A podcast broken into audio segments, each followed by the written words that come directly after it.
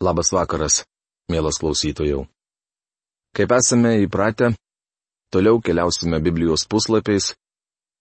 Primenu, kad vis dar esame Senajame testamente ir nagrinėjame psalmes. 131 psalmė. Tema - Vaikiškas maldininko tikėjimas ir paprastumas. Tai dar viena maldininkų kelionės psalmė. Trumpa, bet labai vertinga. Atkreipkite dėmesį, kad ją parašė Dovydas. Viešpatie, mano širdis neišdidi ir mano žvilgsnis neišpuikęs. Nesiekiu didelių dalykų, to, kas prašoka mano jėgas. 131 psalmės, pirma eilutė. Ar pamenate Sauliaus dukterį ir Davido žmoną Mikalę? Jei paniekino Davidą, matydama, kaip šis elgėsi, kuomet sandoros skrynė buvo gabenama į palapinę. Ši istorija užrašyta Samuelio antroje knygoje, šeštame skyriuje nuo 12 iki 23 eilutės. Davidas sakė savo žmonai, kad darys save dar niekingesnį jos akise, mat rengėsi dar labiau nusižeminti, gulėdamas dulkėse prieš savo viešpatį. Atminkite, kad Davidas buvo karalius. Šiandien mums reikia nusižeminti prieš savo Dievą. Kada paskutinį kartą buvote prieš jį sukniubęs? Retas iš mūsų tai darome. Tačiau tai pati geriausia mankšta, atgaivinanti ir dvasę, ir kūną. Priešingai, esu patenkintas ir ramus. Kaip vaikas ramus ant motinos kelių, taip rami širdis mano krūtinėje. Pasitikėk viešpačiu Izraeli. Dabar ir amžinai. 131 psalmės 2-3 eilutės. Leiskite paskaityti, kaip šią trumputę psalmę komentuoja daktaras Gebeleinas. Čia prašoma nuolanki, sudužusi, atgailaujanti dvasia. Neveltui sakoma, vertybių visuma sudaro kūną, kurio galva yra nusižeminimas. Daugelis šventojo rašto vietų mokomus, koks svarbus ir vertingas tikrasis nuolankumas. Toliau jis cituoja keletą Biblijos ištraukų. Nors viešpats aukštybėse, jis rūpinasi kukliaisiais, o išpuikeliai negali nuo jo pasislėpti. 138 psalmės 6 eilutė. Juk aukščiausiasis, prakilnusis, amžinasis, kurio vardas šventasis, sako taip. Šventose aukštybėse gyvenu ir su sugniuždytaisiais bei prislėgtaisiais būnu, kad pakelčiau prislėgtųjų dvasę ir atgaivinčiau sugniuždytųjų drąsą. Rašoma Izaijo 57 skyriaus 15 eilutėje. Taip pat ir jūs, jaunesnėji, būkite klusnus vyresniesiems. Ir visi būkite apsivilkę nuolankumu vieni kitiems. Nes Dievas išpuikeliams priešinasi, o nuolankiesiems duoda malonę rašoma pirmame Petro laiške penktame skyriuje penktoje eilutėje. Bet žmogaus širdies slaptuma nesugadinta, švelni ir taikinga dvasia, kuri brangi Dievo akise, rašoma pirmame Petro laiške trečiame skyriuje ketvirtoje eilutėje. Nusižeminkite prieš viešpatį, tai jis jūs išaukštins, Jokūbo laiškas, ketvirtas skyrius, dešimta eilutė. Ir pats viešpats Jėzus kalbėjo, Ateikite pas mane visi, kurie vargstate ir esate prislėgti. Aš jūs atgaivinsiu. Mato Evangelija 11 skyrius 28 eilutė. Profesoriaus Algirdo Jurieno Biblijos vertime antra šios psalmės eilutė skamba taip. Priešingai, aš nuraminau ir nutildžiau savo sielą, kaip nujunkytas kūdikis ant savo motinos, kaip nujunkytas kūdikis ant manęs yra mano siela. Čia pavartotas labai įdomus palyginimas. Daktaras Gebeleina šiuos žodžius komentuoja taip. Kaip nujunkytas kūdikis daugiau nebeverkia, nesimuisto ir nesilgi motinos krūties, bet yra ramus ir patenkintas, būdamas su savo motina. Taip siela, nujunkita nuo bet kokio nepasitenkinimo, pretenzingumo ar savanaudiškumo, laukia viešpaties, nes žino, jog tik jame galima rasti atilsį ir pasitenkinimą. 132 psalmė.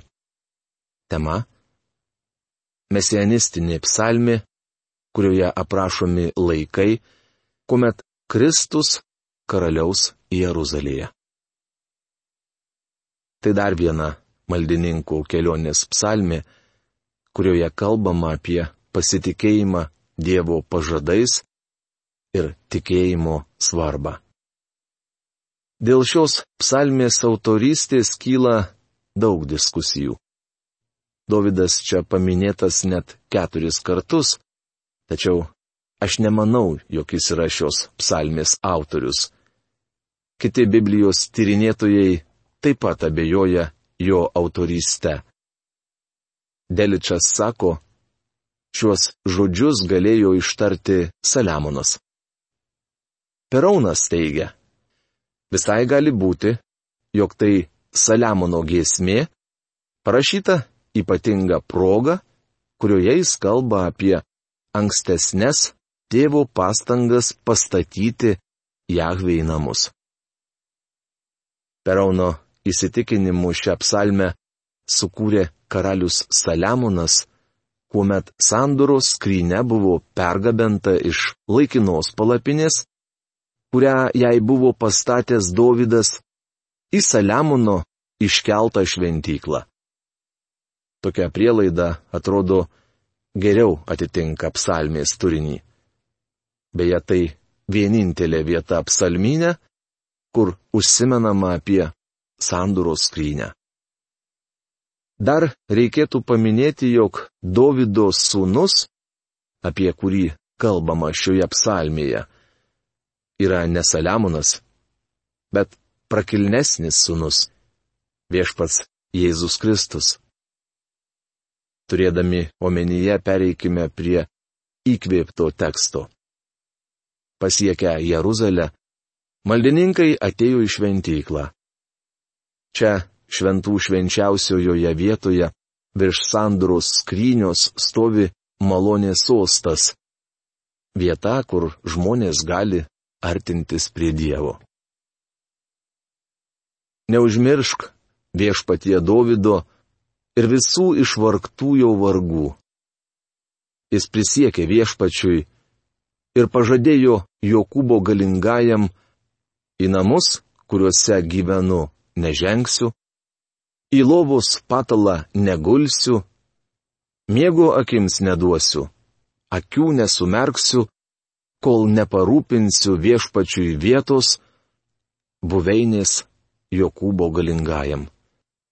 132 psalmės 1-5 eilutės. Kaip pamenate, Samuelio antros knygos septintame skyriuje skaitėme, jog Davido širdis degė troškimu pastatyti Dievui namus.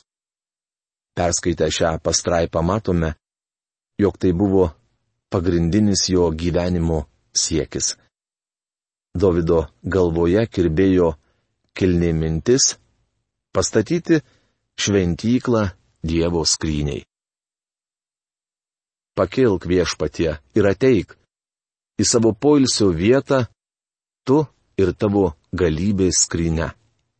132 psalmės 8 eilutė. Greičiausiai šią giesmę izraelitai gėdojo tuo met, kai sanduros skryne buvo pergabenta į Saliamono pastatytą šventyklą ir ši kaip kitados padangti prisipildė viešpaties šlovės. Viešpats prisiekė Dovydui ir neatsižadės. Padarysiu vieną tavo sūnų karaliumi ir jis po tavęs viešpataus. 132 psalmės 11 eilutė. Čia kalbama apie viešpati Jėzų Kristų. Ar galime būti dėl to tikri? Taip.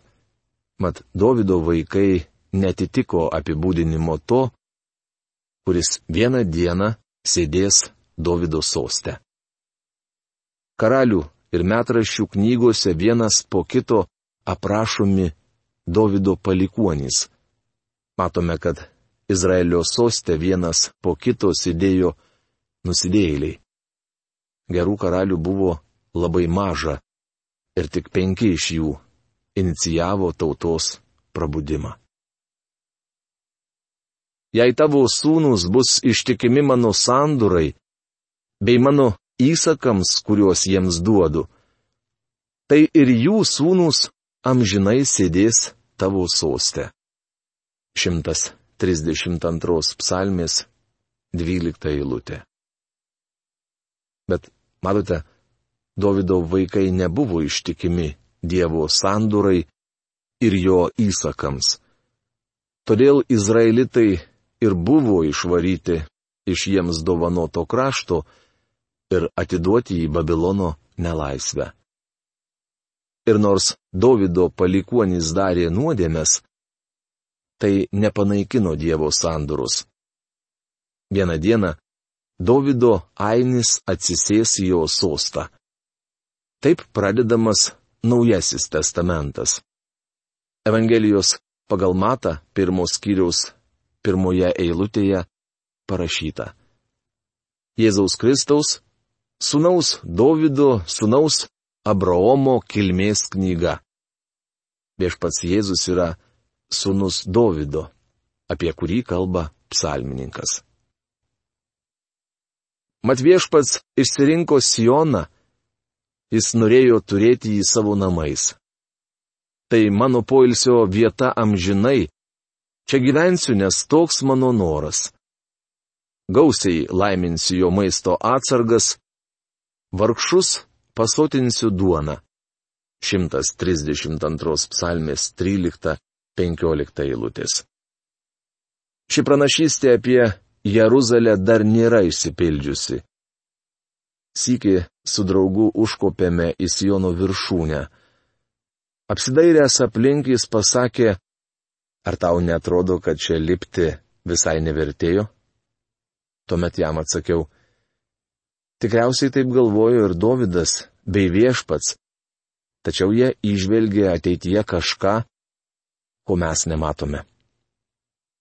Akivaizdu, jog tai psalmi, kurią gėdodavo maldininkai keliaudami į Jeruzalės šventyklą, kur Dievas buvo žadėjęs susitikti su savo tauta. 133 psalmi. Tema - tikinčiųjų bendravimo džiaugsmas. Šios psalmės pantraštėje parašyta pakopų giesmė Dovido. Ji trumpa, bet graži, dar vadinama broliškumo psalme. Joje iš tikrųjų kalbama apie bendrystę.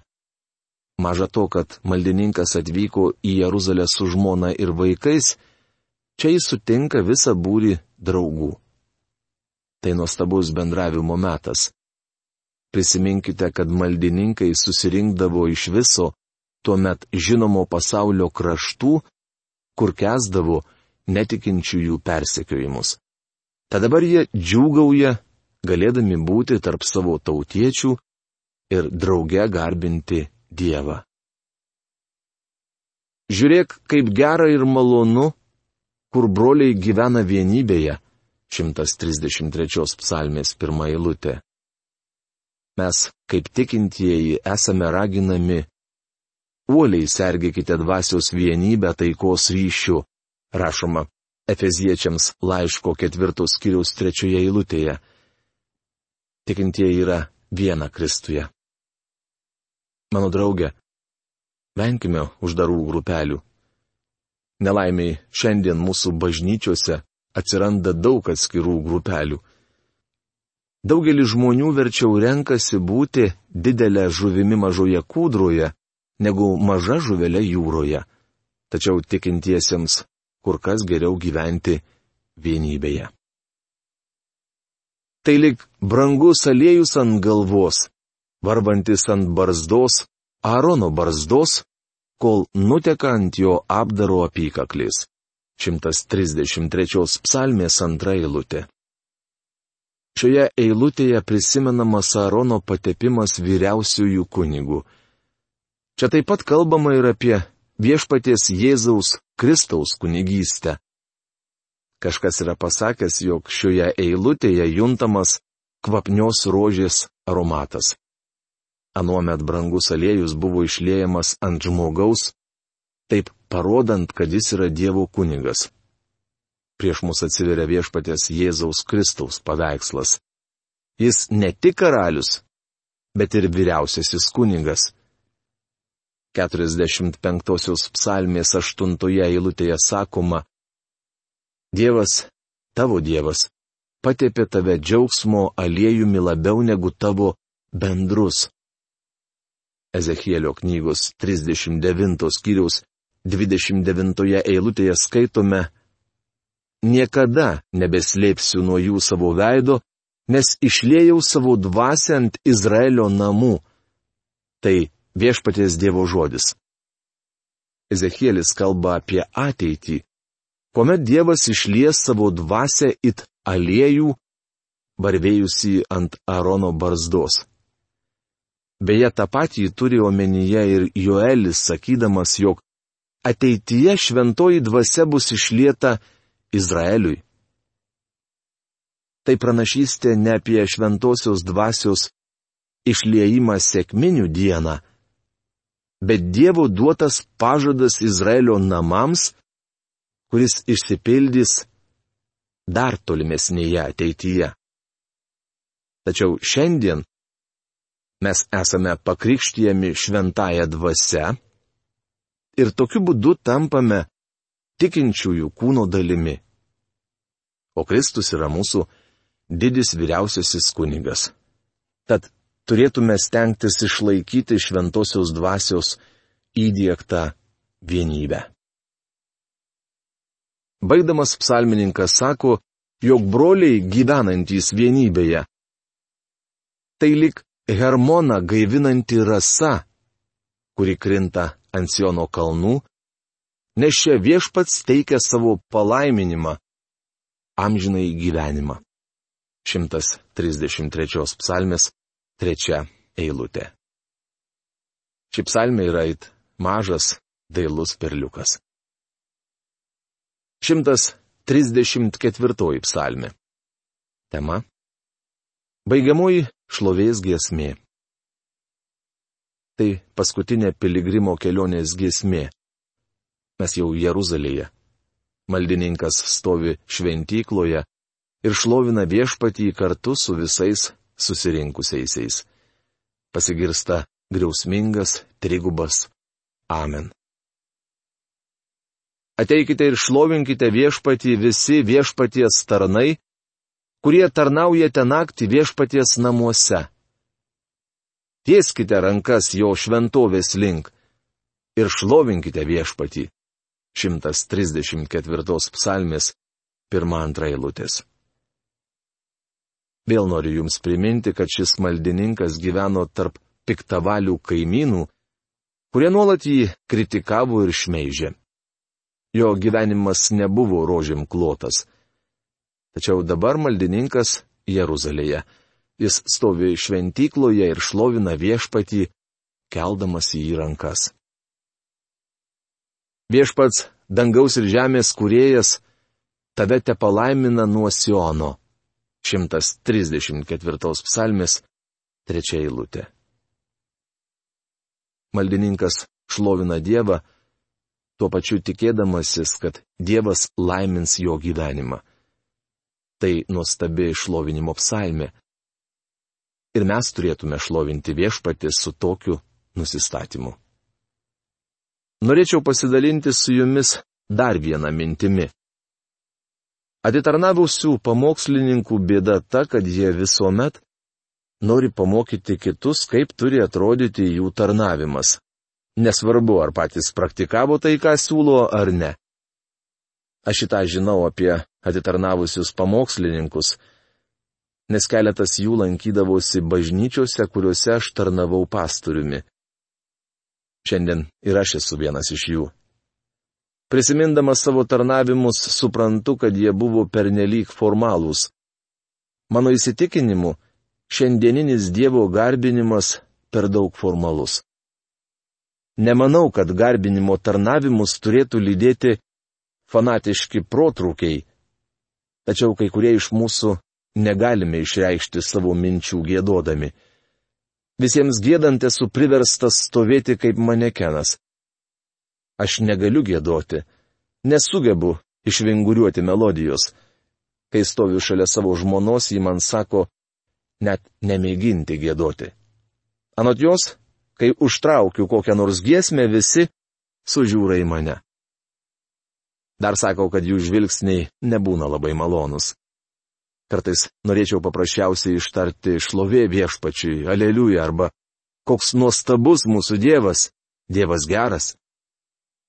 Mūsų tarnavimai turėtų būti betarpiškesni, kad žmonės galėtų laisvai reikšti savo jausmus. Ak, bičiuli, garbinkime Dievą be susikaustimo ir nenatūralaus pompastiškumo.